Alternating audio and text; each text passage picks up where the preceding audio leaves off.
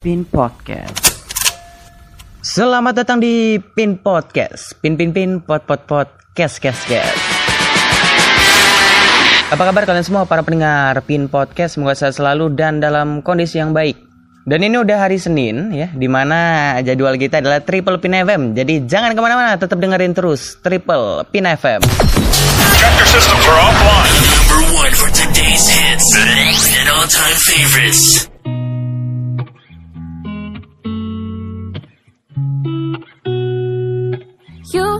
Know just what to say. Things that scare me, I should just walk away. But I can't move my feet. The more that I know you, the more I want to. Something inside me's changed. I was so much younger yesterday. Oh. I didn't know that I was starving till I tasted you.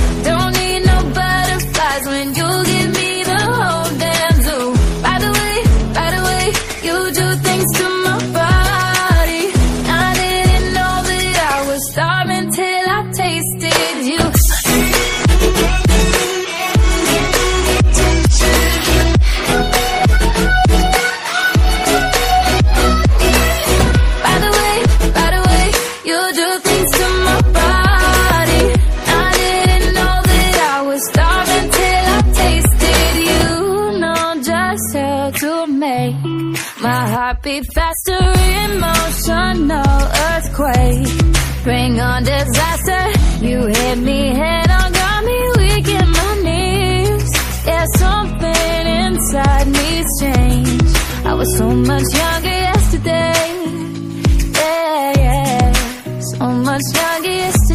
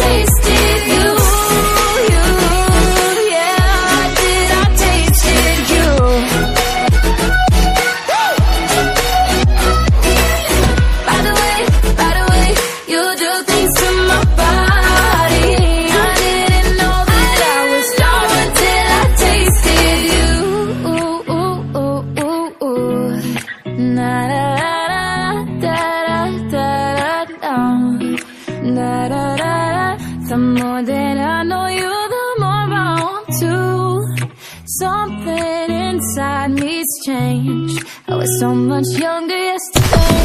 Tractor systems are offline. Number one for today's hits and all-time favorites. Selamat datang di Triple Pin FM. Selamat siang, selamat pagi, selamat siang, selamat sore, selamat malam, selamat subuh dan selamat jalan-jalan.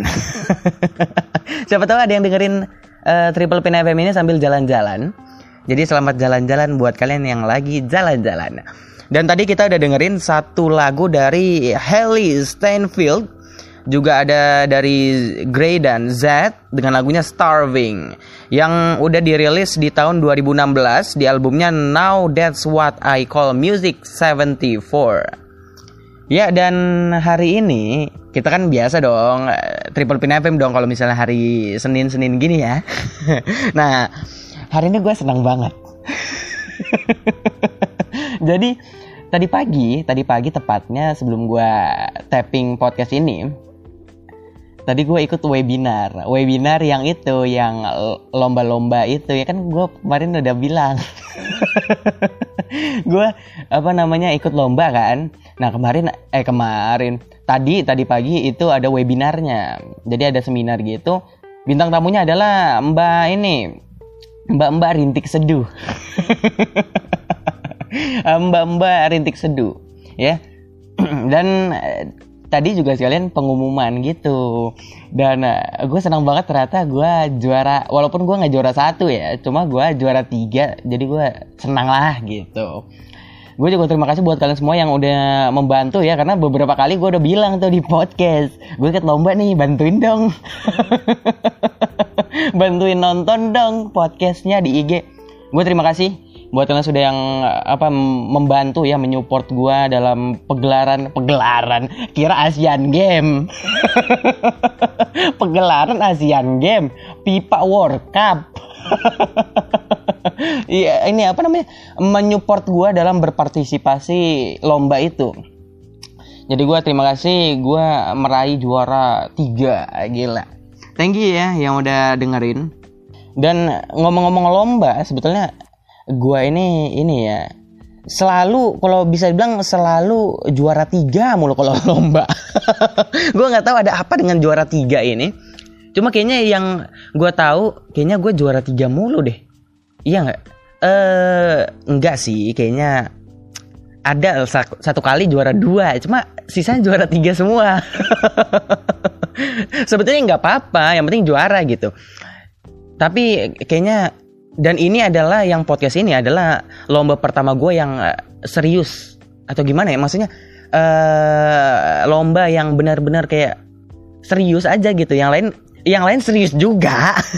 Cuma kayak lebih formal apa gimana gitu ya. Karena lomba-lomba lain cuma kayak lomba-lomba sekolah gitu. Pertama kali gue ikut lomba itu adalah kalau nggak salah gue SD jadi gue S ini juara tiga lagi ya. Jadi waktu gue SD gue nginep di salah satu hotel barang keluarga.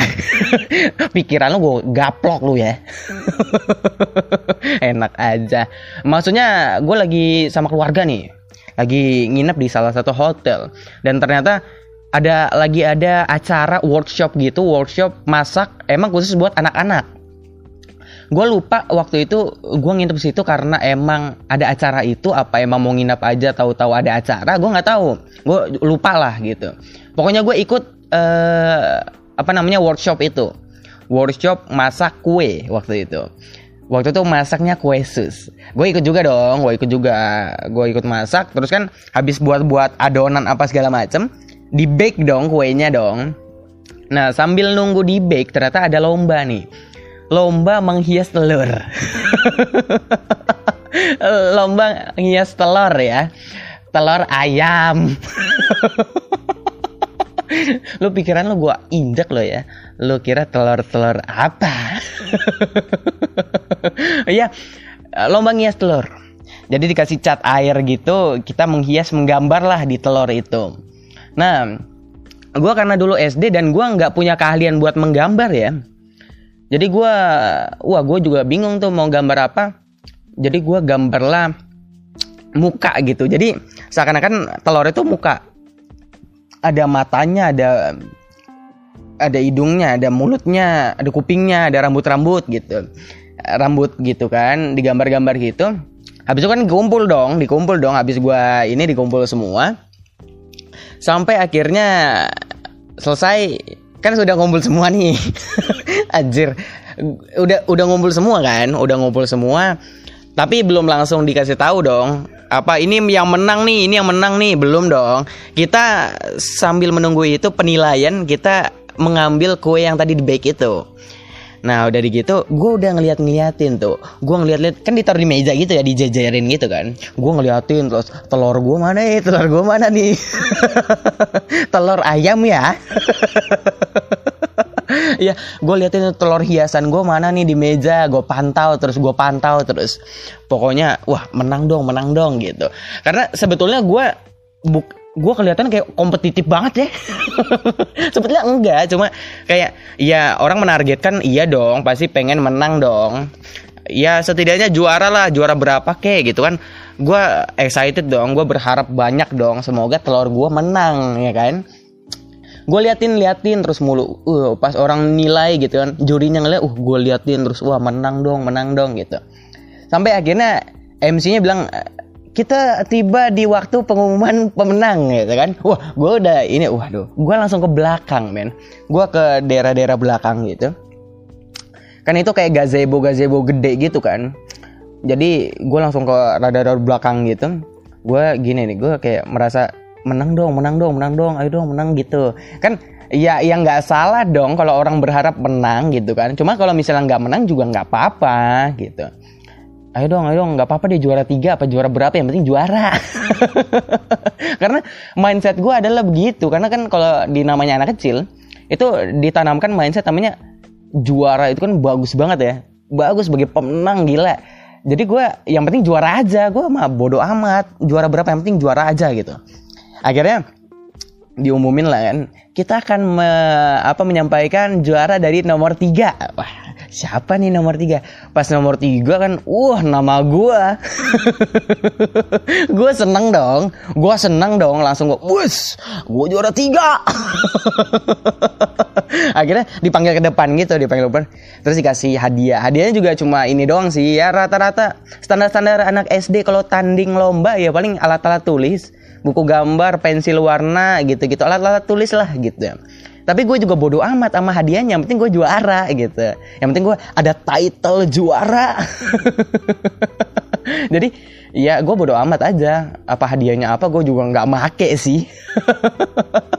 Gue juga nggak make. Gambar juga kagak bisa. Dikasih buku gambar kasih pensil warna. Gue mana ngerti gambar. Ya kan? Dan akhirnya ternyata gue masuk koran gue akhirnya masuk koran ya kan? Itu pertama kali gue masuk koran tuh. Gue masuk koran di daerah gue Eh, apa namanya tentang eh, ya menang itu. Ada juga foto gue dipajang di situ di apa di di koran itu. Lagi masak lagi buat buat adonan kue gitu. Pakai pakai topi topi chef gitu ya. Ya standar standar inilah master chef gue udah kayak master chef gitu. Udah pakai topi topi gitu pakai apa sih pakai apa celeme ya namanya ya nah itu tuh pakai pakai gitu dipoto gitu. Wih keren banget lah. Yang gue juga udah nggak tahu tuh di mana udah ya. Gue sempat bangga gitu loh sampai dipotong gitu kan gambarnya. Dipotong kayak disimpan gitu. Bangsat gue bangga banget masuk koran tuh kan. Terus ada ada tulisan juga kalau misalnya ada yang juara nih lomba menghias telur gitu. Juara satu ini juara dua ini juara tiga nama gue dong. Ternyata nama gue typo jadi gini jadi gini ceritanya.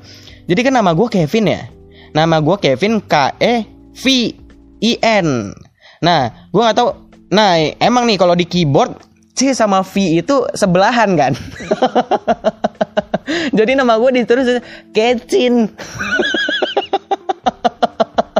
Nama gue Kecin Anjir gue Gue kecewa dong Gue kecewa dong. Gue sebagai title juara Masa salah tulisan namanya? Gue Aduh Gue kecewa banget lah Pada saat itu.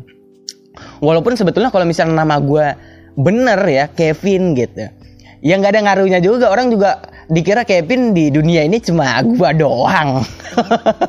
Banyak dong nama Kevin orang juga gak tahu nih Kevin Kevin siapa yang menang gitu. Cuma ya gue agak kecewa aja sih. Tolong ya apa namanya eh tolong gue mau nyebut nama nih. Gue mau nyebut soalnya gue kemarin kan sudah pakai gue bisa ngedit tit tit tit gitu. Bisa gue kemarin udah make tuh. Jadi gue bakal sebut nama nanti gue sensor. Jadi tolong ya eh, tapi gue lupa koran apa Eh, kalau nggak salah ya. Makanya kan nanti gue sensor nggak apa-apa. Eh, buat koran Kaltim Pos tolong ya. Ketikannya penulisannya yang betul lagi dong. Nama gue salah nih. Masa nama gue kecin? Cin siapa Cin? Ya. Dan yang lain-lain gue juga pernah ini sih ikut lomba stand up Nah itu waktu itu sekolah gua gua baru masuk SMP ya SMP kelas 1 Sebenarnya bukan gue yang mau gue dijerumuskan oleh anak kelas gua. Karena waktu itu nggak lama setelah gua masuk sekolah kan ada 17an Ada long, lomba stand up comedy. Nah karena pas dipilih kagak ada yang mau Akhirnya gue yang ditunjuk. Gue yang ditunjuk. Ya gue mau nggak mau lah. Iya iya gitu. Dan akhirnya gue ini ini dong gue persiapan persiapan taunya gua ini juga dapat juara tiga. Walaupun ya standar-standar lah osis osis SMP osis osis sekolah kan. Ya paling makanan biskuit biskuit gitu aja. Tapi ya sekali lagi gua nggak peduli. Gua nggak peduli juaranya dapat apa. Yang penting gue juara. Tapi tetap ya kalau misalnya cuma dibilang juara doang kagak dikasih apa-apa gue juga nggak mau sih. Iya juara ada apa gitu kek? Jangan cuma ya menang. Anda juara tiga. Habis itu sudah. Jangan juga dong ya. Itu tuh pengalaman gue lomba yang wah juara tiga mulu dan tadi juga sebenarnya gue kaget ya karena gue baru pertama kali ini ikut-ikut lomba podcast gini. Ikut-ikut lomba yang serius gini gue baru pertama kali deh. Ikut-ikut lomba yang umum ya. Dan lawannya juga umum kan. Kalau bisa kayak di apa namanya di sekolah-sekolah ya lawan gue sekolahan doang. Kalau misalnya yang lomba telur juga umum sih cuma kan lawannya anak-anak kecil gitu kalau ini kan wah lawannya udah lebih-lebih dewasa gitu ya orang-orang yang udah itulah udah ada anak-anak kuliahan gitu jadi gue merasa senang aja gitu bisa juara tiga dari sekian banyaknya peserta. Jadi gue terima kasih juga buat kalian ya sekali lagi buat yang sudah eh, mendengarkan podcast gue yang kemarin di IG itu yang udah support gue. Wah terima kasih banyak. Terima kasih banyak buat kalian semua. Eh gue juara tiga. gue juga kaget tiba-tiba gue juara tiga muncul podcast gue. Thank you ya. Dan sebentar, uh lama juga gue ceritain gue ikut lomba 12 menit. ya. Dan habis ini kita langsung aja kita bakal masuk ke segmen kita di beruang ya berita unik banget. Jadi jangan ke mana-mana, tetap dengerin terus Triple Pin FM. Systems are offline. Number one for today's a summer evening, and it sounds just like a song. I want more berries and that summer feeling. It's so wonderful and warm. Breathe me in, breathe me out. I don't know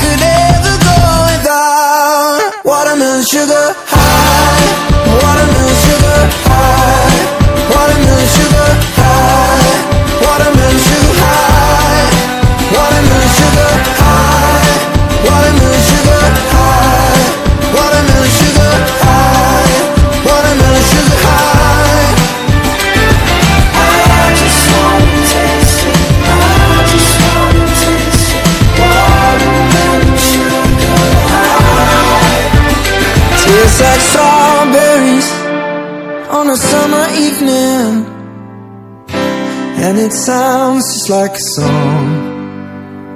I want your belly and that summer feeling. I don't know if I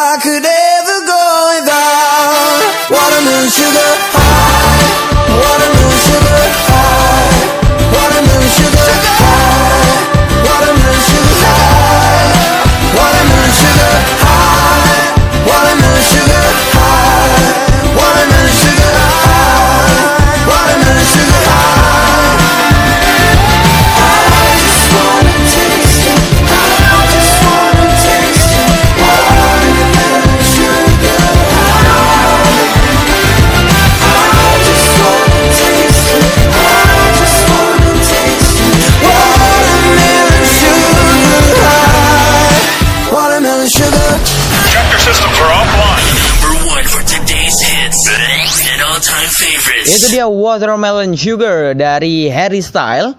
yang rilis tahun 2019 di albumnya Fine Line ya. Dan eh, hari ini ya di kesempatan kali ini kita akan masuk lagi di segmen kita.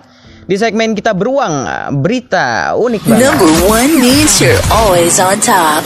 Your, your, your, your number one radio. Dan di kesempatan kali ini di berita unik banget kali ini gue kembali lagi kembali lagi akan membawakan berita-berita yang menurut gue unik.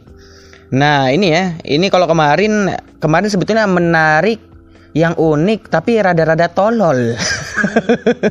Kayak kemarin ada yang dokter ya kan kemarin dokter ketipu jin apa lampu Aladin.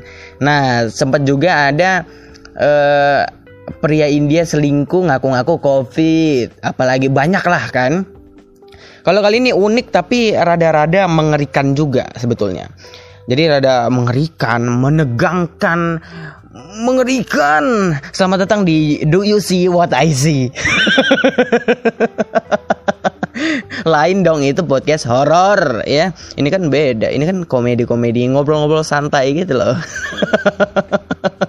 ya dan di sini ya gue langsung bacain aja headline-nya yaitu adalah misteri Talimbi manusia buaya di Afrika di Afrika Tengah yang memutilasi korban di sungai sebagai hukuman. Nah, jadi ini yang gue bilang rada-rada ngeri nih. Jadi ada namanya manusia buaya atau mungkin kalau di Indonesia sebutannya adalah siluman, siluman buaya. Nah, kalau ini di Afrika Tengah ya namanya adalah talimbi yang memutilasi korban di sungai sebagai hukuman katanya. Nah, jadi nih, jadi bau busuk ya, di mana bau busuk terus menguar akhir-akhir ini di sepanjang jalur air terbesar di Bangui, Republik Afrika Tengah.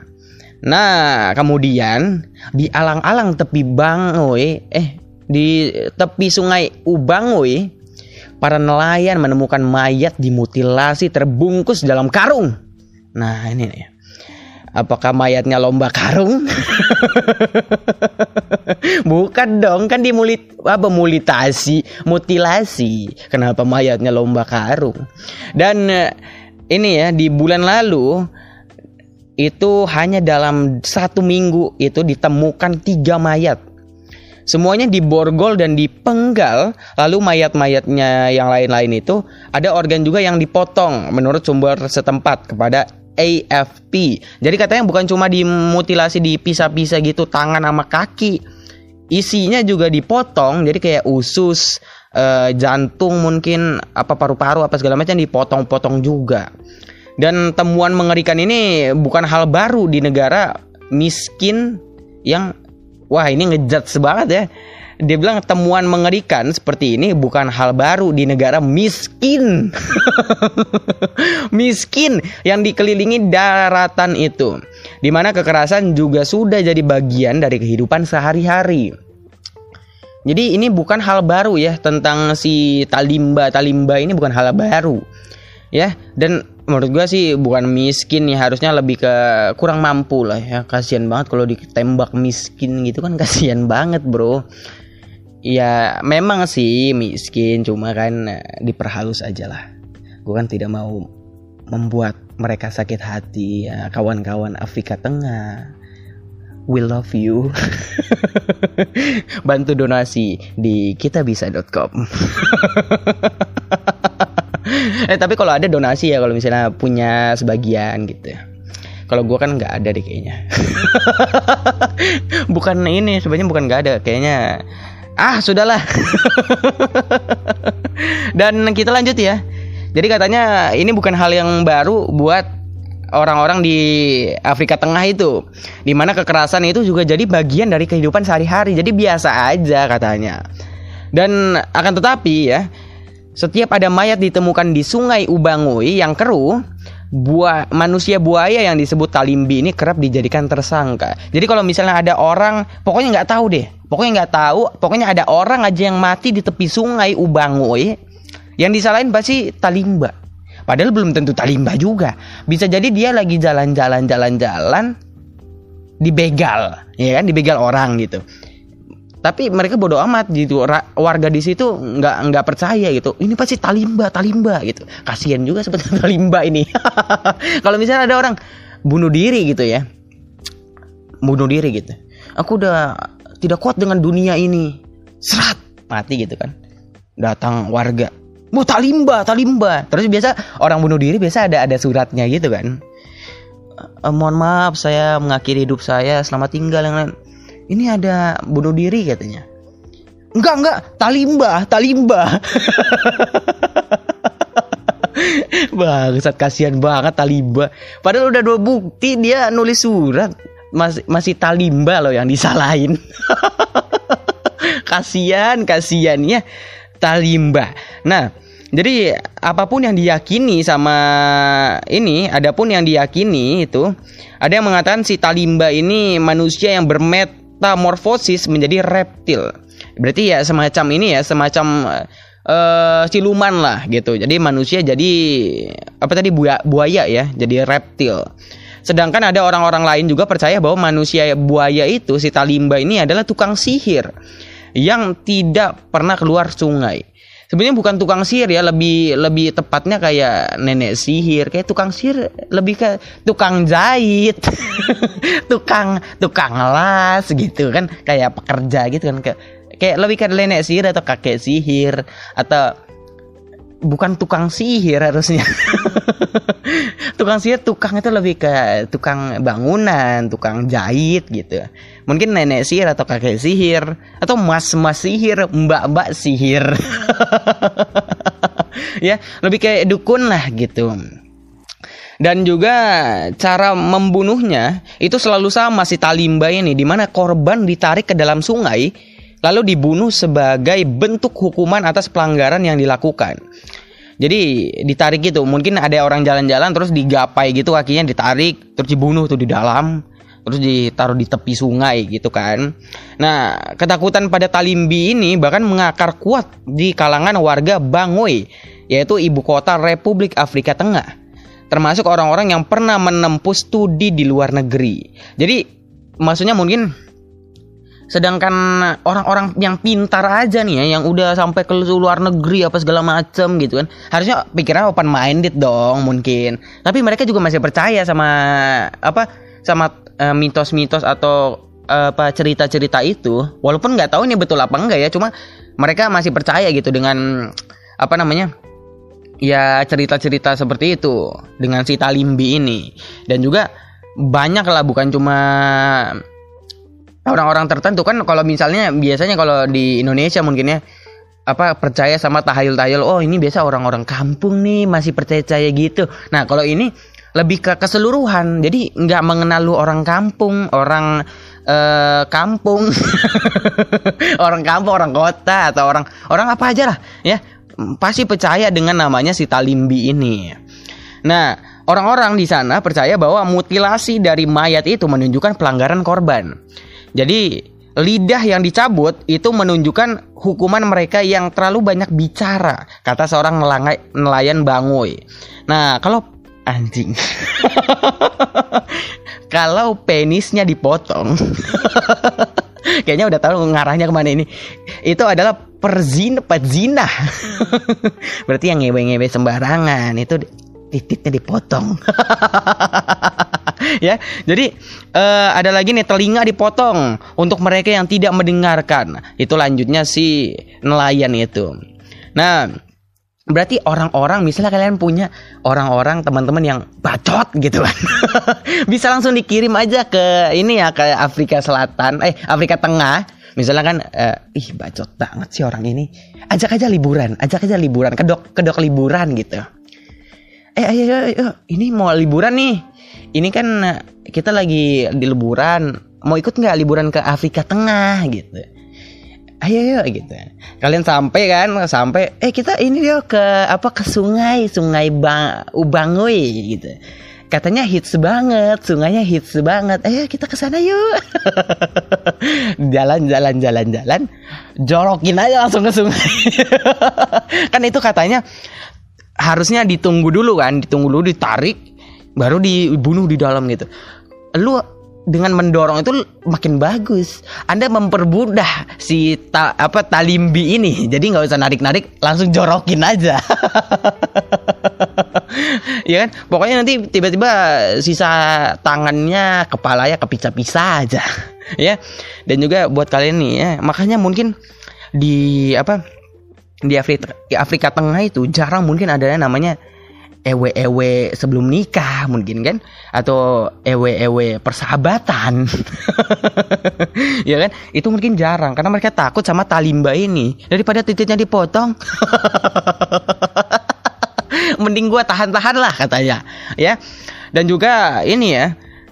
Wah ini ada nama seorang antropolog ya dan spesialis ilmu sihir modern. Asta ada loh gue taunya antropolog mungkin ada ya mungkin apa gitu ya. atau mungkin eh, peneliti spesialis ilmu alam gitu. Ini ada ilmu sihir modern. Berarti di sana memang kental dengan mistis ya sampai dijadikan ilmu loh. Ilmu cabang ilmu spesialis sihir modern. Yaitu adalah Alexandra Kimpridge ya yaitu adalah antropolog dan spesialis ilmu sihir, sihir modern Afrika ya yang mengatakan tahayul ini dimaksudkan untuk menghalangi perilaku tak baik. Berarti ini lebih tahayul berarti ya kalau menurut pengakuan si Alexandra ini berarti itu adalah tahayul. Cuma buat nakut-nakutin supaya mereka orang-orang sana tidak melakukan hal-hal yang tidak baik gitu. Nah, katanya Alexandra Sandra juga, ia bertindak seperti pengatur norma perilaku dan moralitas baik. Berarti seperti ya bisa dibilang kalau di Indonesia adalah tahayul-tahayul pamali gitu ya.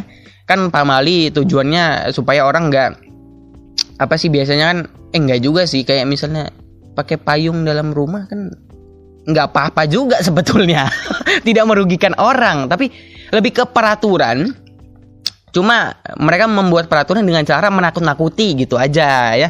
Kayak misalnya ayo ini dihabisin makanannya daripada lu nanti dimakan beras. Jangan sampai kamu kalau makan habis makanannya nanti bisa dibunuh beras loh. Ha, ha, yang adanya adalah biasanya ini ya apa berasnya nangis. Kalau enggak enggak. Nanti lu dibunuh beras.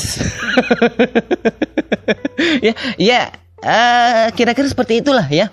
Jadi ditakut-takutin supaya orang juga berbuatnya jangan yang enggak-enggak gitu. Seperti tadi supaya nggak banyak bacot gitu kan. Nanti kamu digigit talimba loh gitu. Jadi mereka nggak banyak bacot. Jangan berzina jangan ewe-ewe gitu. Nanti dimutilasi sama talimba loh gitu. Jadi mereka lebih baik gitu. Harapannya adalah kehidupan mereka lebih baik gitu. Sebenarnya bagus. Bagus sih. Cuma mungkin ya udah diberitain gini kayaknya kan udah dibaca sama orang-orang jadi nggak takut dong Iya kan, kan udah dikasih tahu nih. Ini tidak ini ini cuma pengatur aja. Orang Afrika Wah, gue dibodohin nih. gue udah percaya percaya aja lagi. Wah bahaya juga nih Alexandra ya membongkar membuka kartu ya. Dan eh, sistem peradilan nih ternyata menyangkut di sistem peradilan mungkin nih. Di mana sistem peradilan di Afrika Tengah itu sangat buruk. Sejak lama telah dirundung kemiskinan dan korupsi. Nah, sebaliknya Talimbi dianggap sebagai main hakim sendiri untuk orang-orang yang jelas bersalah. Jadi mungkin ada pro kontra ya, pro kontra ada yang bilang, "Oh, ini nggak apa nggak manusiawi gitu. Asal langsung apa main hakim sendiri gitu kan." Mereka lebih memihak pada ini kan ada peraturan, ada hukum yang ada di negara ini gitu. Ada peradilan, tapi ada juga yang merasa enggak gitu karena emang peradilan di Afrika Tengah itu sangat buruk. Malah banyak-banyak korupsi. Mending kita pakai talimbi aja biar semua orang takut. Mungkin gitu ya. Ya, jadi mungkin ada yang kontra, ada yang pro, ada yang kontra juga seperti itu. Nah, ini ada yang ngomong juga di mana siapa pun talimbi dia akan memverifikasi apakah Anda anda katakan itu benar. Kata Jean Claude Beta, yaitu adalah ketua Association of Tradi Practitioner yang anggotanya adalah tabib tradisional. Ini berarti kayak dukun-dukun gitu ya, tabib tradisional itu. Nah, untuk mengetahui apakah tuduhan itu benar atau salah, sebuah tongkat atau tanaman akan dilempar ke sungai. Nah, jika mengambang artinya tuduhan itu bohong. Ini iya sih, emang agak main hakim sendiri ya. Agak berdasarkan kayu loh. Jadi dia mati atau tidak berdasarkan kayu itu. Jadi kalau misalnya kayu mengambang Anda bohong. Kalau kayu turun tenggelam berarti Anda benar gitu. Wah, gila ya berarti ya hidup dan mati Anda digantung sama tongkat dan tanaman. Aduh, kasihan juga ya anak- apa orang-orang Afrika Tengah ini. Dan kalau tenggelam, Talimbi akan menjatuhkan hukuman kepada korban secara mistis. Oh, berarti kalau misalnya ngambang itu berarti Anda selamat ya. Jadi tuduhannya bohong. Nah, kalau kayunya tenggelam, berarti Talimbi akan menjatuhkan hukuman dan korban secara mistis dipanggil ke tepi sungai. Nah, katanya yang tadi si beta-beta itu saat Anda dipanggil, Anda akan ditarik ke sungai bahkan jika berada 100 km jauhnya. Berarti bukan ditarik di Japai gitu ya, lebih kayak ada dipanggil-panggil gitu, kayak ada panggilan eh, spiritual gitu. Ayo, ayo, ayo datang ke tepi sungai. Nah, sama, udah di tepi sungai baru dibunuh, mungkin gitu tuh. Nah, tidak ada pengampunan. Anda akan mati. Berarti kalau Anda, kalau lu udah terkena ganjaran si Talimbi ini, kamu nggak bisa, lu nggak bisa kabur gitu. Jadi Anda tidak bisa dapat pengampunan lagi, Anda akan mati gitu. Ya betul yang gue bilang tadi, hidup dan mati Anda digantung oleh tongkat itu ngambang atau tenggelam.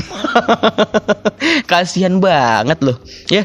Dan meskipun begitu, kepercayaan yang mengakar kuat pada manusia buaya menjadi celah yang dimanfaatkan para pembunuh. Cukup membuang mayat ke tepi sungai dan cerita tentang Talimbi akan menutupi mereka yang membunuhnya. Katanya si Joseph bin Domi, ketua dari Liga Hak Asasi Manusia, Central Vision, dan mantan jaksa penuntut umum. Iya juga sih, ini juga salah satu celah buat para pembunuh ya. Wah, gue nggak suka sih sama orang ini. Gue culik, gue lariin dia ke, gue bawa dia ke tepi sungai, gue bunuh gitu, gue taruh aja di situ. Orang juga nggak bakal tahu. Orang ngiranya Talimbi bukan gua gitu kan. Ini juga salah satu yang ini ya yang salah satu yang aduh kurang aja gitu ya harusnya orang lain yang disalahin talimbi dibilang talimbi jadi kayak ya udah biasa aja talimbi jadi mereka nggak nggak menganggap itu sebagai pembunuhan gitu tapi ya mereka mungkin ngiranya kalau misalnya itu pembunuhan eh, toh nanti si pembunuh ini akan dipanggil sama talimbi untuk dimutilasi gitu kan sebagai hukuman. Mungkin mereka mikirnya seperti itu kali ya. Nah dan salah satu korban yang terbaru nih ditemukan di Ubangi adalah seorang wanita muda di mana jenazahnya tidak pernah diklaim keluarga atau teman karena memang berarti kan dianggap sudah berdosa gitu.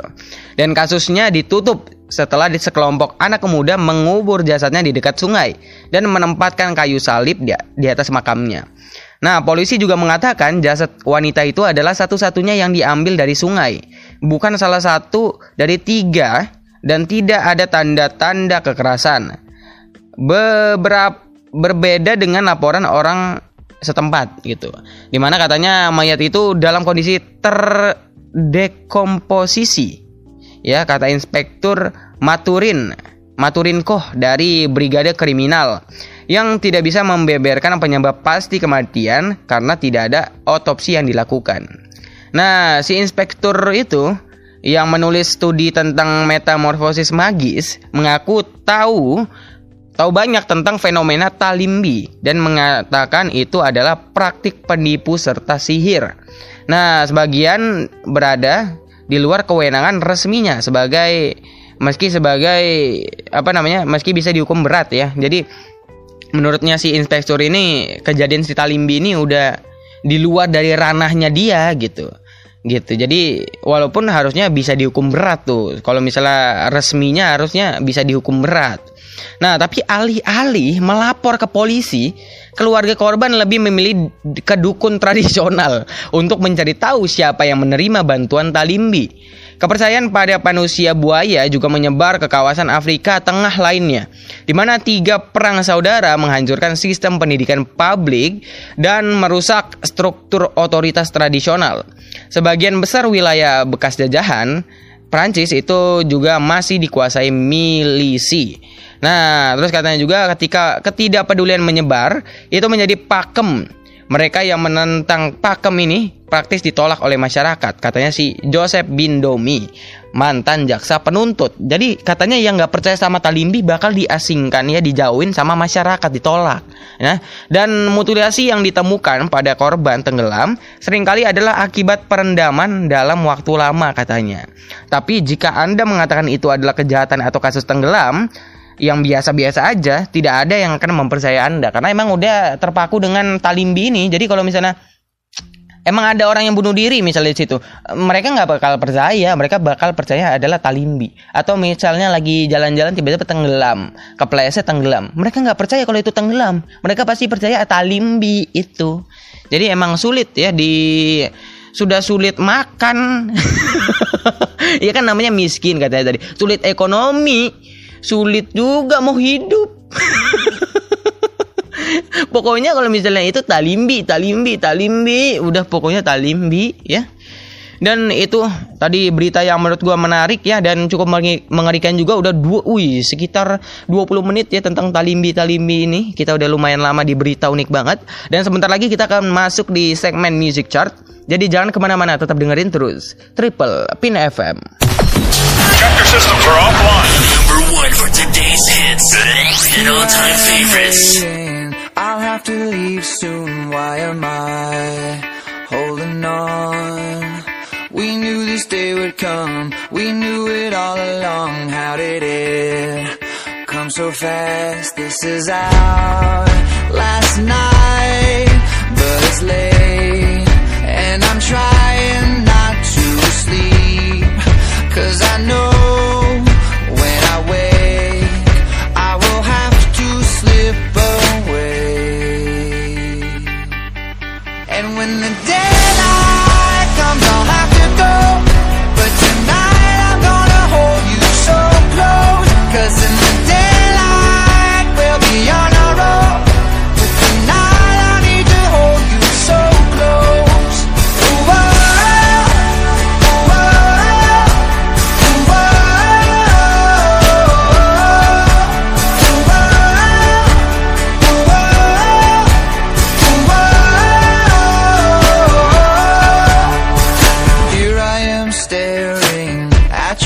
perfection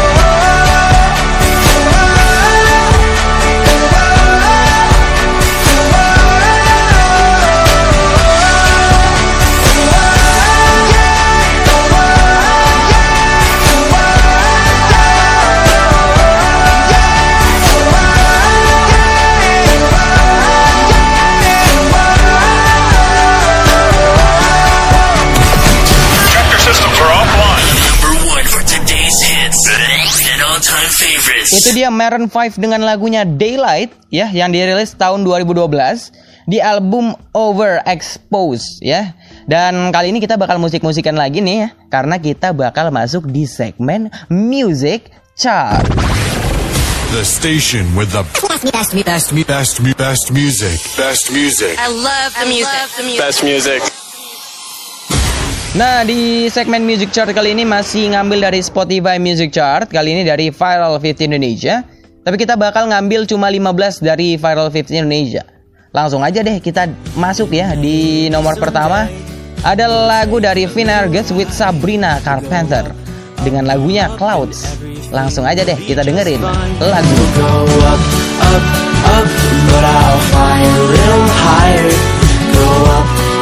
but because the view's a little nicer up here. Itu dia Clouds dari Finn Argus with Sabrina Carpenter. Sekarang kita masuk di urutan nomor 2. Ada lagu dari Ade Govinda dan Fadli dengan lagunya Tanpa Batas Waktu. Nah, langsung aja kita dengerin nih lagunya. merindu Ku yakin kau tahu Tanpa batas waktu Ku terpaku aku meminta Walau tanpa kata Itu dia Ade Govinda dan Fadli dengan lagunya Tanpa Batas Waktu di urutan nomor 2. Sekarang kita turun di urutan nomor 3 ada lagu dari Anet dengan lagunya Mungkin hari ini, besok atau nanti. Nah, langsung aja deh kita dengerin nih lagunya. Mungkin hari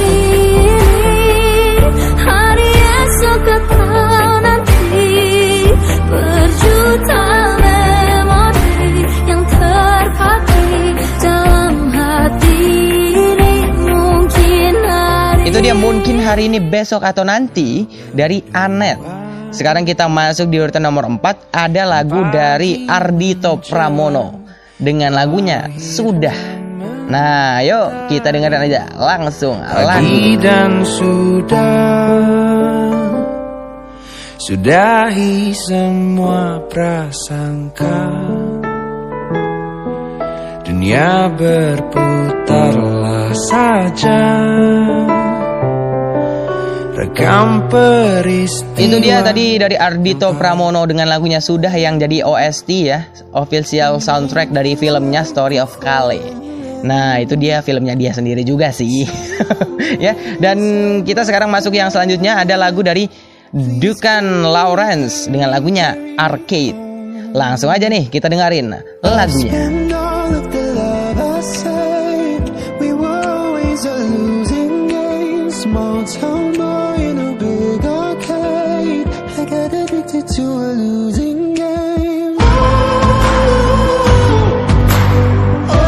Dukan Lawrence dengan lagunya Arcade di urutan nomor 4, 5, sorry.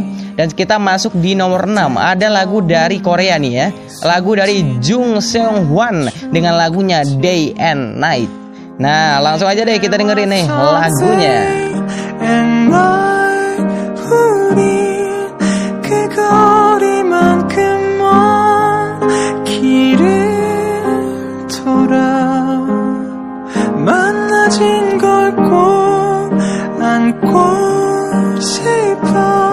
Itu dia Day and Night di nomor 6 dari Jung Seong Hwan. Dan sekarang kita masuk nomor 7. Ada lagu dari Pink Sweats dengan lagunya At My Words ya dari Pink Sweats. Langsung aja kita dengerin nih lagunya.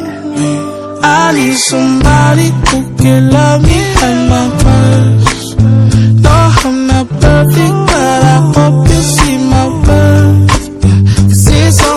you nobody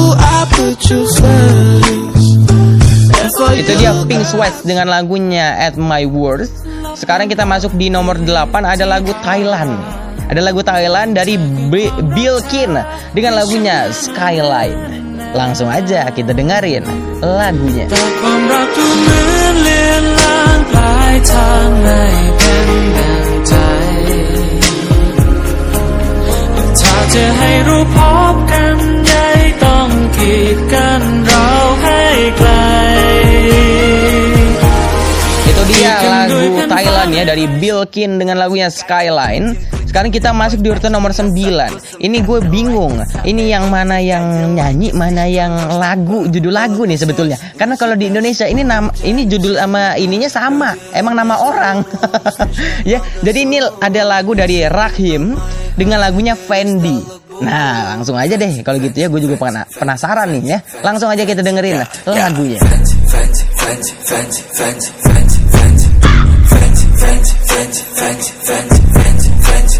Каждый день как понедельник Прыгну в серый мерин Каждый день как понедельник Иду быстрее денег Даже не пытайся меня остановить Залетаю в твою тусу, будто баста набит Забыл Фэнди худя на классно сидит Itu dia lagu dari Rakim Yaitu adalah Fendi di urutan nomor 9 Sekarang kita masuk nomor 10 Ada lagu yang sama judulnya sama yang pertama Di urutan nomor 1 yaitu adalah Clouds Nah kalau yang ini yang yang nyanyi adalah A Firm A Firm Handshake featuring sama Zack Sobiech Nah ini langsung aja ya kita dengerin nih lagunya Go up, up, up, but I'll fly a little higher.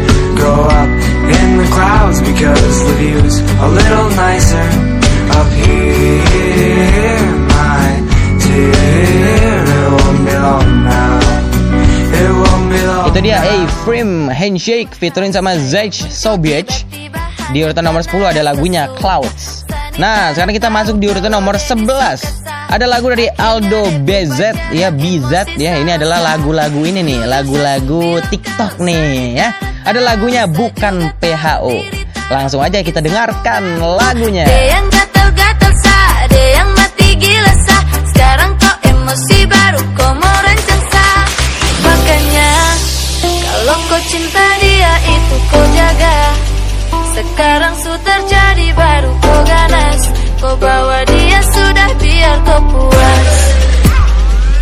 bukan PHO dari Aldo BZ di urutan nomor 11 Sekarang kita masuk nomor 12 Ada lagu dari With Lowry featuring dengan Ava Max Dengan lagunya Into Your Arms.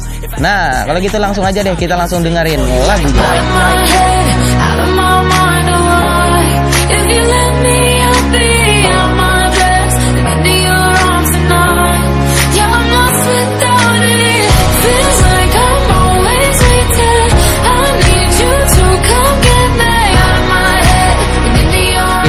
Lowry featuring dengan Ava Max Dengan lagunya Into Your Arms. Di urutan nomor 12 sekarang kita masuk nomor 13 Ada lagu dengan judul Blueberry Ice Dari Max featuring dengan Suga. Langsung aja nih kita dengarkan lagunya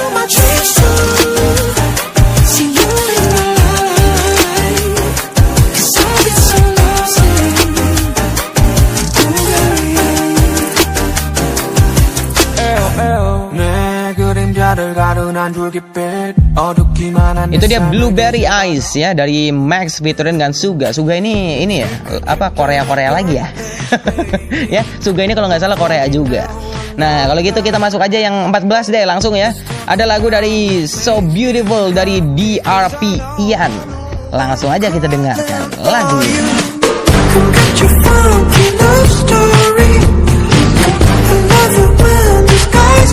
Come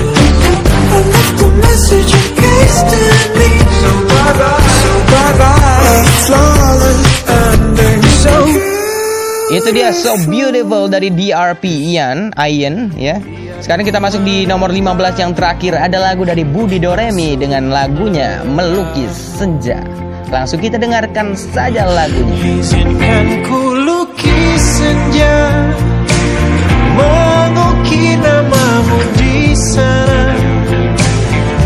Mendengar kamu bercerita Menangis tertawa Itu dia melukis senja dari Budi Doremi yang menutup perjumpaan kita juga di segmen Music Chart kali ini.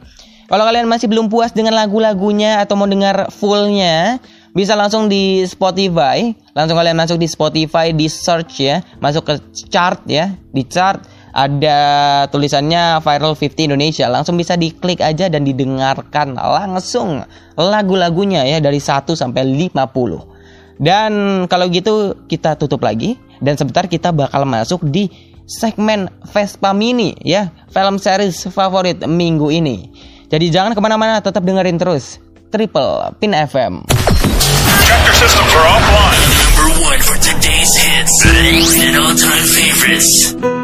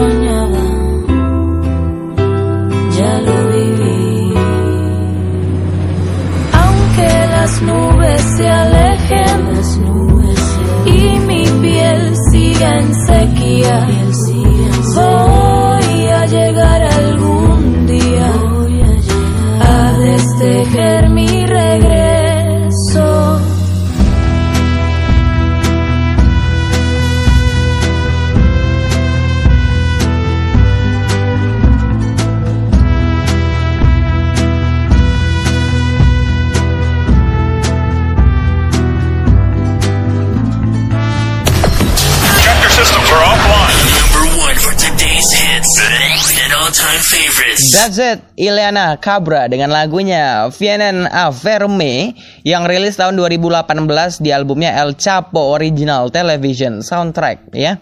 Ini lagu-lagu ini gitu, lagu-lagu Latin-Latin gitu. Dan emang itu adalah soundtrack dari series El Chapo karena emang cocok juga sekarang ini kita masuk di segmen Vespa Mini ya, film series favorit minggu ini.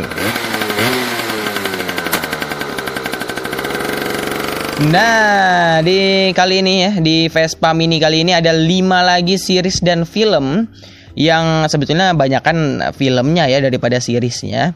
Tapi gua bakal kasih nih rekomendasi buat kalian bisa nonton minggu-minggu ini ya. Kita mulai yang di pertama. Yang pertama ada film film D5017 to Paris ya. The 5017 to Paris adalah sebuah film nih ya, sebuah film drama biografi Amerika Serikat tahun 2018 yang diproduksi dan disutradarai oleh Clint Eastwood dan ditulis oleh Dorothy Blyskal. Berdasarkan pada autobiografi The 5017 to Paris, The True Story of the Terrorist. Nah, a train oh, bu, ini ini nyambung ternyata. the The True Story of a Terrorist, A Train, and the and Three American Horse Horses karya Jeffrey E. Stern. Sama juga Spencer Stone, sama juga Anthony Salder dan Alex Scar Scarlatos, Scarlatos. Nah, film ini menampilkan Stone, Zelder dan Scarlatos sebagai diri mereka sendiri dan mengisahkan ketiganya saat menghentikan serangan kereta api Thales 2015 ya di mana Judy Greer dan Jenna Fisher juga membintangi film tersebut. Jadi ceritanya ada teror gitu, teror di apa? Di ini di kereta, di kereta gitu ada teror. Pokoknya kalau nggak salah mereka mau nonton bola apa gimana gitu. Soalnya bajunya Bayern Munchen. Soalnya kalau nggak salah bajunya Bayern Munchen apa biru merah biru merah gitu kan. Nah pokoknya mereka eh, tiba-tiba ada yang serangan teror gitu dan mereka berhasil menghentikan itu. Nah untuk film ini di di 5017 to Paris, gua ngasih ratingnya adalah 9,8 dari 10 karena menurut gua keren. Karena gua menurut gua film yang apa berdasarkan true story itu ba- bakal bagus menurut gua, pasti bagus karena kisah nyata gitu. Nggak tahu ya kalau menurut kalian, tapi menurut gua bagus gitu. Dan ini rekomendasi gua itu bagus sekali untuk ditonton ya. Sekali lagi D50 17 to Paris bisa kalian nonton juga di Netflix ya. Jadi langsung aja kalau mau nonton habisin langsung dicari ya di Netflix D50 17 to Paris. Setelah itu ada film lagi yaitu adalah film uh, 365 days ya. 365 days. 365 hari ya. Atau dalam bahasa Polandianya karena ini adalah bahasa ini adalah film dari Polandia ya. Di mana kalau bahasa Polandianya adalah 365 dni deni deni gue nggak tahu 365 bahasa Polandianya apa. Jadi 365 deni deni deni itu berarti days ya atau hari. Nah jadi film ini adalah sebuah film drama romansa erotis. Jadi ini ada ada agak ya erotis gitulah ada bercinta bercinta ewa ewe ewa ewe gitu ya. Jadi eh, eksplisit buat 18 mungkin untuk orang-orang yang udah dewasa ya. Di mana adalah sebuah film drama romansa erotis Polandia pada tahun 2020 garapan Barbara Bialowas dan Thomas Mendes Nah, film tersebut berdasarkan pada novel pertama dari sebuah trilogi yang ditulis oleh Blanka Lipinska.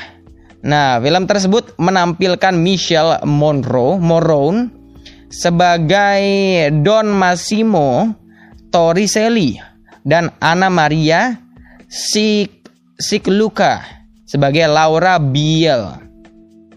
Nah, film tersebut dirilis di Polandia pada 7 Februari 2020 dan kemudian tersedia di Netflix. Untuk filmnya sendiri gua kasih rating 9. Ya. Ini adalah film yang lumayan viral juga beberapa waktu lalu di mana gua lihat instastory orang yang nonton film pada filmnya 365 365 terus. Ini juga salah satu film yang di- gua direkomendasikan oleh teman gua sebelumnya ini nih coba nonton ini gitu. Dan gak lama setelah itu rame tuh orang-orang pada nonton. Ya dan setelah itu gue langsung lanjut lagi ya. Jadi kalau kalian mau tadi mau nonton 365 langsung aja ditonton di Netflix 365 days. Atau kalau bahasa Polandianya 365 dni. Langsung aja bisa ditonton di Netflix dan selanjutnya ada ini nih, ada kalau tadi film-film terus, kalau sekarang ada series ya. Di mana ini adalah series El Chapo. Nah, ini El Chapo Guzman ya, adalah series serial televisi kriminal yang diproduksi bersama oleh Netflix dan Univision tentang kehidupan Joaquin El Chapo Guzman. Nah, serial ini ditayangkan perdana pada 23 April 2017 di Univision sebelum ditayangkan di Netflix di seluruh dunia. Nah, ini dibintangi oleh Marco Delao sebagai karakter judul atau El Chapo dan serial ini menceritakan awal mula Joaquin El Chapo Guzman pada tahun 1985 setelah ketika ia menjadi anggota tingkat rendah kartel Guadalajara. Nah, di mana kenaikannya ke tampuk kekuasaan sebagai kepala kartel Sinaloa dan kejatuhannya pada 12 Mei 2017. Nah, Univision juga mengonfirmasi bahwa seri tersebut akan diperpanjang untuk musim kedua. Ya. Yang ditayangkan perdana pada 17 September 2017 ya. Dan Netflix juga meril- merilis musim pertama terdiri dari 9 episode pada 16 Juli 2017 dan musim kedua dirilis pada 15 Desember 2017. Di mana musim ketiga ditayangkan perdana pada 9 Juli 2018 di Univision dan pada 27 Juli 2018 di Netflix ya. Di mana terdiri dari totalnya 3 season dan total jumlah episode 35 episode. Ya, untuk ratingnya ya, untuk ratingnya dari El Chapo ini adalah 9,5 dari 10. Karena lagi-lagi seperti yang gue bilang, gue lebih suka yang real gitu ya, yang true story. Jadi ini kan ceritanya tentang true story juga, tentang kehidupannya eh, El Chapo gitu. Jadi wah bakal tegang banget nontonnya, bakal wah seru banget deh pokoknya. Seru banget. Kalian nonton-nonton orang perdagangan narkoba larisan lari sini, larisan lari sini, tembak-tembakan seru. ya, jadi kalau kalian mau nonton ada di Netflix juga langsung aja dicari El Chapo itu pasti keluar tuh ya. Ada di Netflix ya. Sekali lagi El Chapo di Netflix dengan rating kalau dari gua 9,5 dari 10 setelah itu ada lagi film nih ya. Ini yang keempat ya kalau nggak salah ya. Iya yang keempat ada film dari Indonesia. Nah ini adalah salah satu film Indonesia yang terbaik lah salah satu yang terbaik yaitu adalah Cahaya dari Timur Beta Maluku. Nah, ini adalah film drama Indonesia tahun 2014 yang dibintangi oleh Chico Jericho dan Safira Um. Nah, film ini dirilis pada tanggal 19 Juni 2014 diangkat dari kisah nyata lagi-lagi kisah nyata. Jadi gue lebih suka emang yang kisah-kisah nyata ini lebih suka gue ya di mana film Cahaya dari Timur Beta Maluku sejak awal mengambil pilihan untuk menghadirkan gambaran kondisi yang sebenarnya berdasarkan cerita di mana pendekatan sosial budaya dan akurasi fakta menjadi elemen penting dalam pengerjaan film ini. Keunikan film ini juga terletak pada keputusan untuk menggunakan dialog Ambon dalam keseluruhan film dan dipilihnya aktor-aktor muda berbakat asli Maluku untuk mengisi peran-peran anak-anak yang ada. Nah, film ini juga bertemakan tentang sepak bola. Ini juga mendapatkan dua penghargaan termasuk film terbaik pada Festival Film Indonesia 2014. Dan untuk ratingnya gue kasih 9,8 dari 10 karena emang bagus banget. Karena gue suka yang true story juga dan juga gue suka bola. Nah, jadi ini cocok banget buat kalian suka suka-suka bola ya dan tidak suka bola pun juga ya silakan nonton karena bagus aja ada dramanya juga ya. Jadi silakan ditonton di Netflix ada Cahaya dari Timur Beta Maluku dengan rating yang gue berikan adalah 9,8 dari 10. Dan yang terakhir ada film lagi yang ada di Netflix adalah The Old Guard. Nah, ini adalah film baru juga di mana adalah film superhero Amerika tahun 2020 yang disutradarai oleh Gina Prince Beat Bitterwood. Nah, yang ditulis oleh Greg Ruka berdasarkan buku komika, komiknya komika mah stand up komedi. ya, dari berdasarkan si buku komiknya itu yang berjudul sama juga yaitu adalah The Old Guard.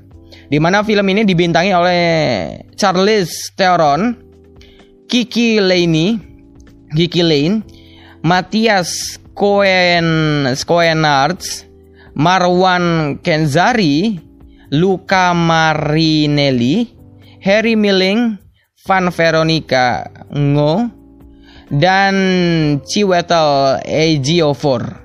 Dan mengikuti tim tentara bayaran ya dalam misi balas dendam di mana The Old Guard dirilis pada ta tanggal 10 Juli 2020 dan di Netflix ya di Netflix dan ini menerima ulasan umumnya positif dari para kritikus dengan pujian untuk urutan tindakan dan kinerja Teron. Nah, emang ini salah satu yang bagus juga sih menurut gue ya, karena filmnya seru. Pokoknya tentang ada guard gitu, ya pasukan kelompok guard gitu yang tidak bisa mati. Jadi kalau lo tembak, ya lukanya sembuh lagi, sembuh lagi dan sampai akhirnya sampai ada yang gue lupa namanya yang cewek yang pemimpinnya itu sudah habis masanya, udah habis waktunya, jadi pas ditembak udah nggak bisa sembuh lagi gitu. Dan pokoknya kalau kalau menurut gue kalau nggak salah akhirnya gantung deh. Jadi itu yang menurut gue kayak aduh kurang banget nih kenapa gantung? Gitu. Itu sih menurut gue jadi gue kasih rating tetap tinggi tapi yaitu adalah 9,8 dari 10 karena keseluruhannya kalau overall bagus banget. Sebetulnya ceritanya bagus banget ya dan itu aja ya kalau gitu buat Vespa Mini kali ini ya film series favorit minggu ini ya. Dan yang kemarin gue bilang gue lagi nonton di 100 itu gue masih nonton nih. Itu lumayan banyak juga gue masih season 4 ya masih running season 4 season terakhirnya ada season 5 jadi masih nunggu paling minggu inilah selesai ya. Dan minggu depan gue bisa ngebawain di Vespa Mini ya di Vespa Mini film series favorit minggu ini dan itu aja buat Vespa, Vespa Mini kali ini dan sebentar lagi kita bakal masuk di segmen Orbit ya olahraga dalam berita jadi jangan ke mana-mana tetap dengerin terus Triple Pin FM Chapter systems are offline.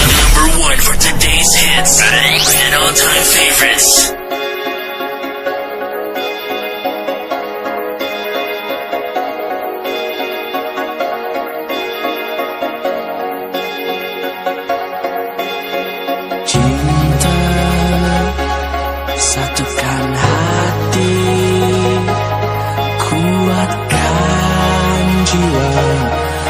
Menghadapi dunia Segala Cinta dan luka Kuatkan semua Persahabatan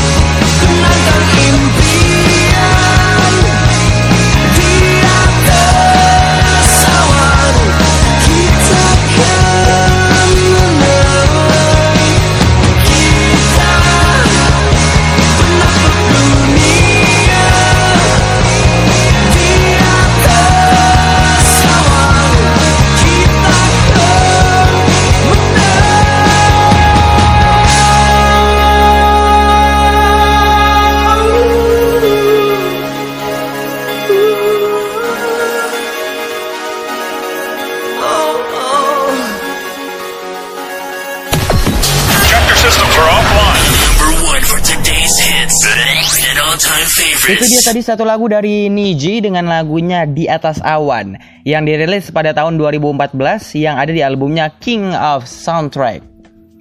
Dan kali ini kita bakal bicara-bicara olahraga bola-bola ya. Karena kita masuk di segmen orbit olahraga dalam berita. Number one means you're always on top. Your, your, your, your number one radio. Dan di orbit kali ini olah- olahraga dalam berita kita bakal update skor kayak biasanya. Ya, kita bakal update skor di minggu kemarin karena baru-baru mulai juga kemarin-kemarin nih. Kemarin-kemarin baru mulai untuk pekan ke-9. Untuk yang Premier League ya. Kita langsung mulai aja karena emang baru selesai dari ini, baru selesai dari jeda internasional. Langsung aja kita masuk ya ke Premier League kali ini, update skor dari Premier League di pekan ke-9 di mana dimulai dengan Newcastle ya yang berhasil ditumbangkan oleh Chelsea dengan skor 0-2. Di mana gol pertama Chelsea diciptakan dengan eh, gol bunuh diri dari pemain Newcastle yaitu adalah Fernandes di menit ke-10. Dan dilanjutkan dengan gol Abraham di menit ke-65 untuk Chelsea. Setelah itu ada juga ya setelah mengalahkan Arsenal di mana Aston Villa berhasil dikalahkan Brighton dengan skor 1-2. Di mana gol pertama dari Brighton diciptakan oleh Welbeck di menit ke-12. Setelah itu dibalas oleh Konza dari Aston Villa di menit ke-47. Lalu dibalas lagi ya oleh March di menit ke-56 ya di menit ke-56 oleh March ya dan terakhir Lamti. Lamti di menit ke 90 plus 1. Berarti bukan 1 2 tapi 1 3. Salah gua ya. 1 3 maksudnya. Nah, setelah itu ada ya di meskipun mendominasi pertandingan di mana Manchester City berhasil dikalahkan oleh Tottenham Hotspur dengan skor 2-0 di mana dua gol diciptakan oleh Son di menit ke-5 dan Lo Celso di menit ke-65. Kemarin kalau ngelihat statistik ya, statistik dari pertandingan Manchester City dan Tottenham, penguasaan bola jauh ya, jauh dipegang sama Tottenham eh, Manchester City. Cuma skor akhirnya 2-0 ya. Dan setelah itu ada Manchester United yang berhasil menang tipis atas West Bromwich Albion dengan skor 1-0. Di mana gol tunggal dari Bruno Fernandes dicetak di menit ke-56 lewat titik penalti. Setelah itu kita langsung masuk aja ke Serie A kali ini di mana pembukaan pekan ke-8 di mana Lazio yang berhasil mengalahkan Crotone dengan skor 0-2 di mana dua gol dari Lazio dicetakkan oleh Immobile di menit ke-21 dan Korea di menit ke-58. Setelah itu ada pertandingan Atalanta ya dengan Spezia yang hanya berakhir dengan skor imbang 0-0. Dan di mana ditutup dengan Juventus ya yang berhasil mengalahkan Cagliari dengan skor 2-0 di mana dua gol Juventus diciptakan oleh Ronaldo, Cristiano Ronaldo di menit ke 38 dan 42. Setelah itu kita masuk ke La Liga ya, Liga Spanyol di mana pekan ke-10 ada Osasuna dan Huesca yang harus berbagi satu poin setelah pertandingannya berakhir imbang 1-1. Di mana gol pertama diciptakan oleh Huesca lewat pemainnya Ramirez di menit ke-5 dan dibalas oleh Garcia untuk Osasuna di menit ke-68. Setelah itu ada pertandingan Levante dan Elche yang juga berakhir dengan skor 1-1 ya, skor imbang 1-1. Di mana gol pertama untuk Levante lewat pemainnya Mo Melero di menit ke-12. Lalu dibalaskan ya oleh pemain Elche yaitu Morente di menit ke-64. Dan setelah kalah dari Valencia kali ini Real Madrid berhasil ditahan imbang 1-1 ya Kali ini di mana lawannya adalah Villarreal ya. Nah, di mana Diaz ya, Diaz pertama kali mencetak gol di menit kedua untuk Real Madrid. Lalu dibalas diimbangi oleh Moreno yang ada di menit ke-76 lewat titik penalti. Setelah itu ada Sevilla yang berhasil mengalahkan Celta Vigo dengan skor 4-2. Di mana gol pertama dari Sevilla dicetakkan oleh Kounde di menit ke-5 Lalu ada balasan dari Celta Vigo di menit ke-10 lewat pemainnya Aspas. Dan lalu lagi Celta Vigo unggul ya. Setelah itu Celta Vigo unggul lewat pemainnya Nolito di menit ke-36. Lalu dibalas ya 3 gol lewat pemain-pemainnya ada Enesri di menit ke-45 plus 3 untuk Sevilla lalu itu ada Escudero di menit ke-85 untuk Sevilla dan terakhir Munir di menit ke-87 untuk Sevilla dan yang terakhir ada Atletico Madrid ya yang berhasil mengalahkan Barcelona dengan skor tipis 1-0 di mana gol tunggal diciptakan oleh Carrasco di menit ke-45 plus 3.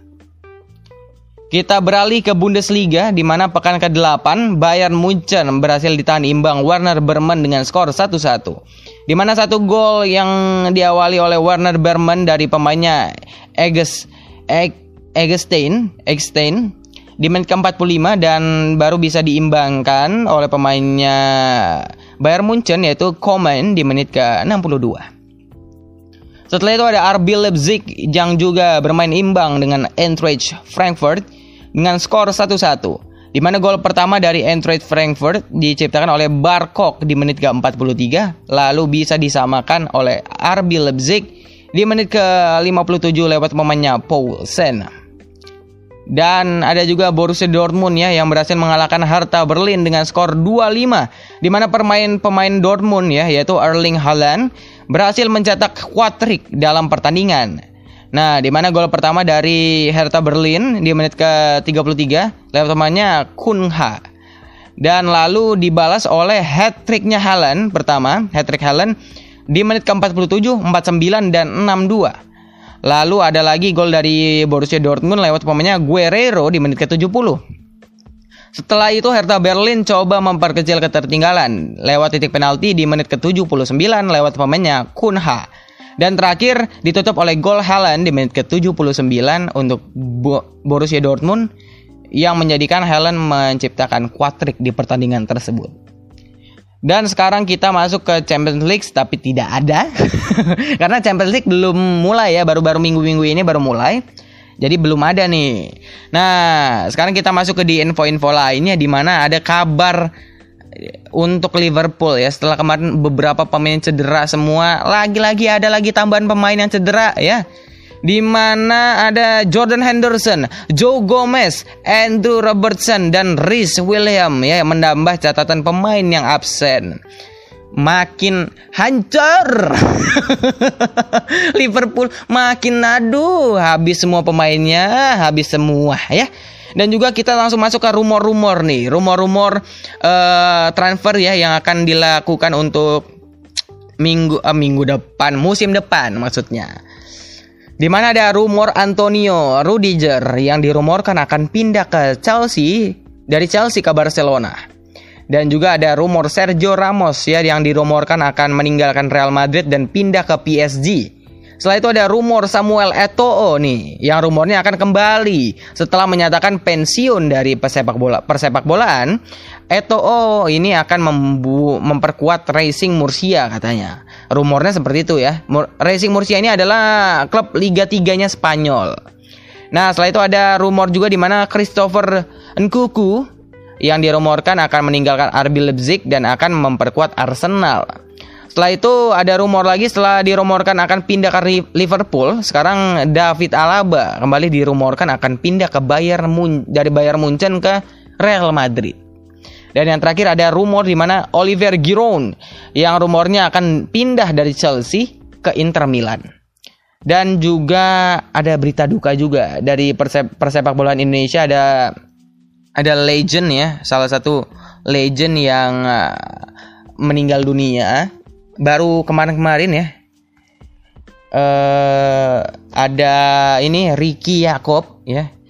The legend uh, Ricky Yakob yang meninggal dunia kalau nggak salah kemarin ya kemarin atau kalau sekarang kemarin kalau pas gua take ini kemarin berarti sekitar lusa kemarin terkena serangan jantung saat pas lagi main bola waktu itu. Jadi kita kirimkan doa yang terbaik untuk sang legend. Semoga bisa tenang di sana ya dan pastinya akan dikenang pastinya semua prestasi-prestasi yang beliau telah apa catatkan untuk persepak bolaan di Indonesia.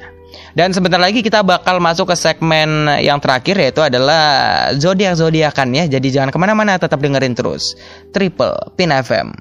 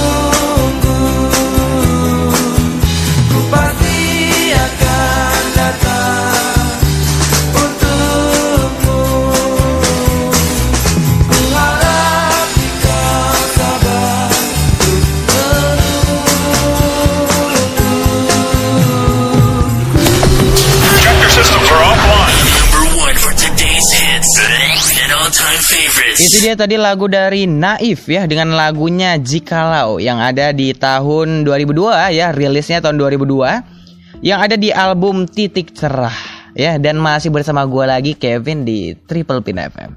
Ya iya di Triple Pin FM cuma gua. emang siapa lagi yang akan memandu acara ini kalau bukan gua? Iya emang acara-acara gua. Mau siapa lagi emangnya sih kalau bukan gua ya? Dan sekarang kita bakal masuk di zodiak ya.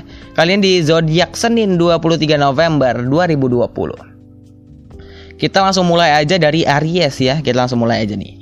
Di mana Aries ya, Anda akan merasa sulit untuk bergerak hari ini. Nggak tahu kenapa sulit diikat apa gimana? ya, dan eh, jangan memulai segala sesuatu yang tidak jelas hari ini. Jadi yang jelas-jelas aja yang gak usah yang pecicilan lah.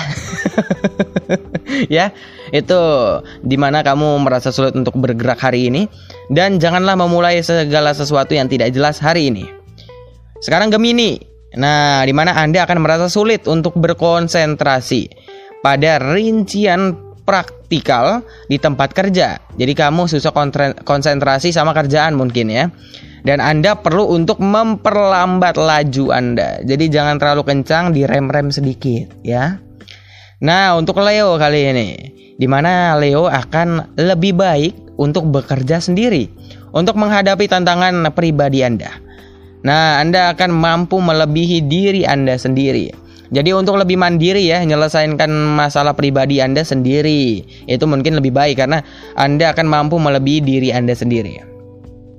Setelah itu ada Libra, di mana Anda akan meng- menggandakan upaya dan ketekunan Anda untuk dapat tetap menjalankan hal-hal dengan kecepatan yang diinginkan hari ini. Berarti bisa menggandakan upaya ya, bukan menggandakan uang. Kalau menggandakan uang apa Dimas Kanjeng. bukan ini bukan Libra itu Kanjeng Dimas ya. Jadi lebih menggandakan upaya dan ketekunan ya untuk tetap menjalankan hal-hal dengan kecepatan yang Anda inginkan hari ini. Dan untuk Sagittarius, di mana pertukaran verbal penuh ekspresi teknis, Anda perlu melihat ke dalam sebu ke dalam sebelum melangkah lebih jauh. Jadi harus diperkirakan dulu gimana gimana gimana baru terjun. Jangan terjun dulu tanpa melihat-lihat langsung aja terjun ya. Harus lihat-lihat dulu. Sekarang untuk Aquarius, di mana Anda akan akan harus menghormati hambatan dan penundaan tertentu hari ini. Ini mungkin bukan hal yang Anda suka, tapi tetap harus dilakukan dan Anda akan memoles beberapa detail penting. Nah, jadi mungkin ada hambatan yang harus Anda jalankan. Walaupun mungkin Anda tidak suka dengan ini ya, tapi harus dilakukan. Kamu juga harus memoles beberapa detail detail yang penting ya. Jadi sebagian bagian kecil harus dipoles poles poles ya datang ke toko apa ke ketok magic maksudnya detail hidup ya bukan detail polis-polis detail bumper lain aduh dan juga ada Taurus kali ini kalau di Taurus ketekunan ketekunan Anda akan mulai membuahkan hasil hari ini jadi pergi dan buat kenalan-kenalan baru. Nah, ketekunan kamu mulai ada ini nih buah-buahnya nih ya. Dan kamu juga harus pergi dan buat kenalan-kenalan. Berarti cari-cari teman lah gitu ya. Dan untuk Cancer, di mana Anda akan menemukan bantuan yang tak terduga dan ini akan membuat lebih mudah untuk menyelesaikan proyek-proyek di tempat kerja. Mungkin ada teman-teman yang mungkin gak dekat tiba-tiba menawarkan bantuan ya yang akan mempermudah mempermudah proyek-proyek pekerjaan kalian. Nah, setelah itu ada Virgo ya, di mana Anda akan melakukan sesuatu yang sangat sulit untuk menentukan prioritas Anda. Jadi gunakanlah waktu Anda sebaik mungkin untuk berbenah. Jadi mungkin agak susah ya menentukan eh, prioritas kamu hari ini, tapi cobalah, coba terus untuk menggunakan waktu ya, menggunakan waktu sebaik-baik mungkin. Dan juga sekarang untuk Scorpio di mana Anda akan mempunyai sebuah kebutuhan dan keinginan yang lebih besar untuk membah untuk pembahasan hari ini. Daripada menggunakan waktu Anda dalam tugas harian Anda. Tuh, jadi mempunyai sebuah kebutuhan dan keinginan yang lebih besar untuk pembahasan hari ini. Daripada apa waktunya untuk mengerjakan tugas-tugas harian Anda itu untuk Scorpio sekarang Capricorn di mana jangan biarkan diri anda kewalahan oleh karena segala permintaan yang akan melelahkan anda tanpa henti. Berarti kamu bakal kena kena suruhan tugas-tugas nih. Terus terus terus tugas terus tugas terus. Nah jadi jangan sampai kalian jadi kewalahan karena itu. Dan yang terakhir untuk Pisces ya, di mana tekad Anda akan membantu Anda untuk terus melaju dalam karir Anda. Semua hal ini berkat Anda sendiri. Jadi bakal ada apa? Akan ada yang ini ya, Anda akan membantu Anda sendiri untuk terus melaju dalam karir Anda. Berarti Anda yang akan membantu Anda sendiri. Jadi lebih mandiri ya. Diri bantu diri sendiri ya. Anda akan membantu diri Anda sendiri. Ya lebih mandiri berarti. ya, dan itu aja untuk zodiak kali ini. Dan itu dialah zodiak Senin ya, 23 November 2020 di Triple Pin FM.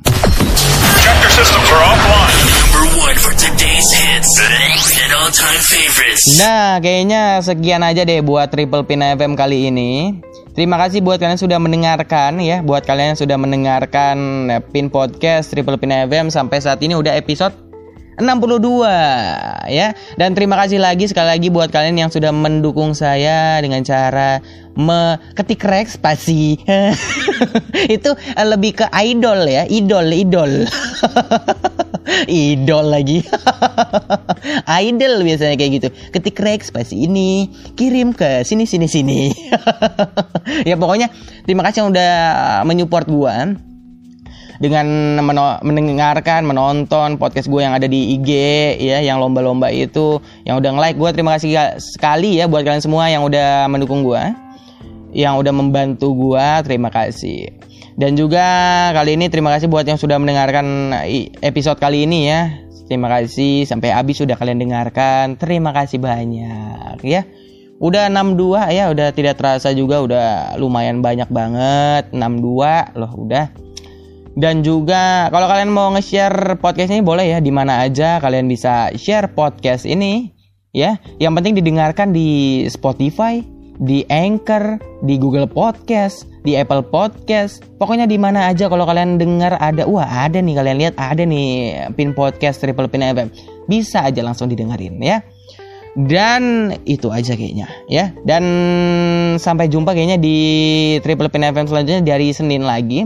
Dan sampai jumpa di eh, pin podcast Pure Podcast di hari Sabtu. Tapi kayaknya minggu depan, kayaknya gua nggak akan tayang deh. Karena gua ada urusan satu minggu ya. Jadi bakal, wah kayaknya nggak ada di hari Senin minggu depan, Sabtu minggu depan, dan Senin minggu depannya lagi kayaknya bakal nggak ada Triple Pin FM. Barusan juga kemarin kagak upload tiga kali. Ini tiga, tiga kali lagi kagak upload. ya mohon maaf, mohon maaf karena gua kayaknya ada kerjaan yang uh, penting banget ada uas gue ada uas ada penilaian akhir. Jadi gue stop dulu lah ya. Sebenarnya bisa sih cuma ya lagi penilaian jadi stop dulu lah ya. Nanti gue lanjut lagi di Sabtu dua minggu depan. Jadi sampai Jum eh masih ada Sabtu yang akan datang lagi nih Sabtu besok masih ada dan nantinya lagi bakal ketemu lagi di Sabtu dua minggu depan. Jadi ya itu aja ya untuk Triple Pin FM kali ini. Nah, dan untuk para pendengar Pin Podcast semua, sampai jumpa di Pin Podcast episode selanjutnya. Sampai jumpa juga di Triple Pin FM yang selanjutnya ya dan sampai jumpa di Pin Podcast. Pin pin pin pot pot podcast kes kes. Dan untuk lagu penutup, gua ada satu lagu nih dari Coldplay ya dengan lagunya Up and Up. Fixing up a car, driving it again. Searching for the water, hoping for the rain. Up and up, up and up. Down upon the canvas, working in a meal. Waiting for a chance to pick an Irish field. Up and up, up and up. See a bird form a diamond in a rough. See a bird soaring high, but the blood is in your blood. It's in your blood. Underneath the storm, an umbrella saying, sitting with the boys, it takes away the pain. Up and up, up and up. Saying, we're gonna get get somehow. Gonna get get together fly.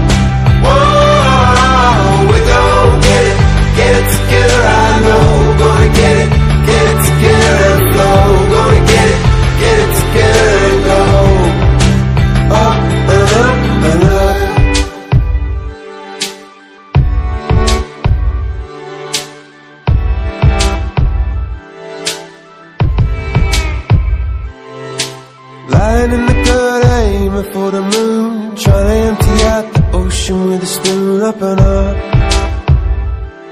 up and up. How come people suffer? How come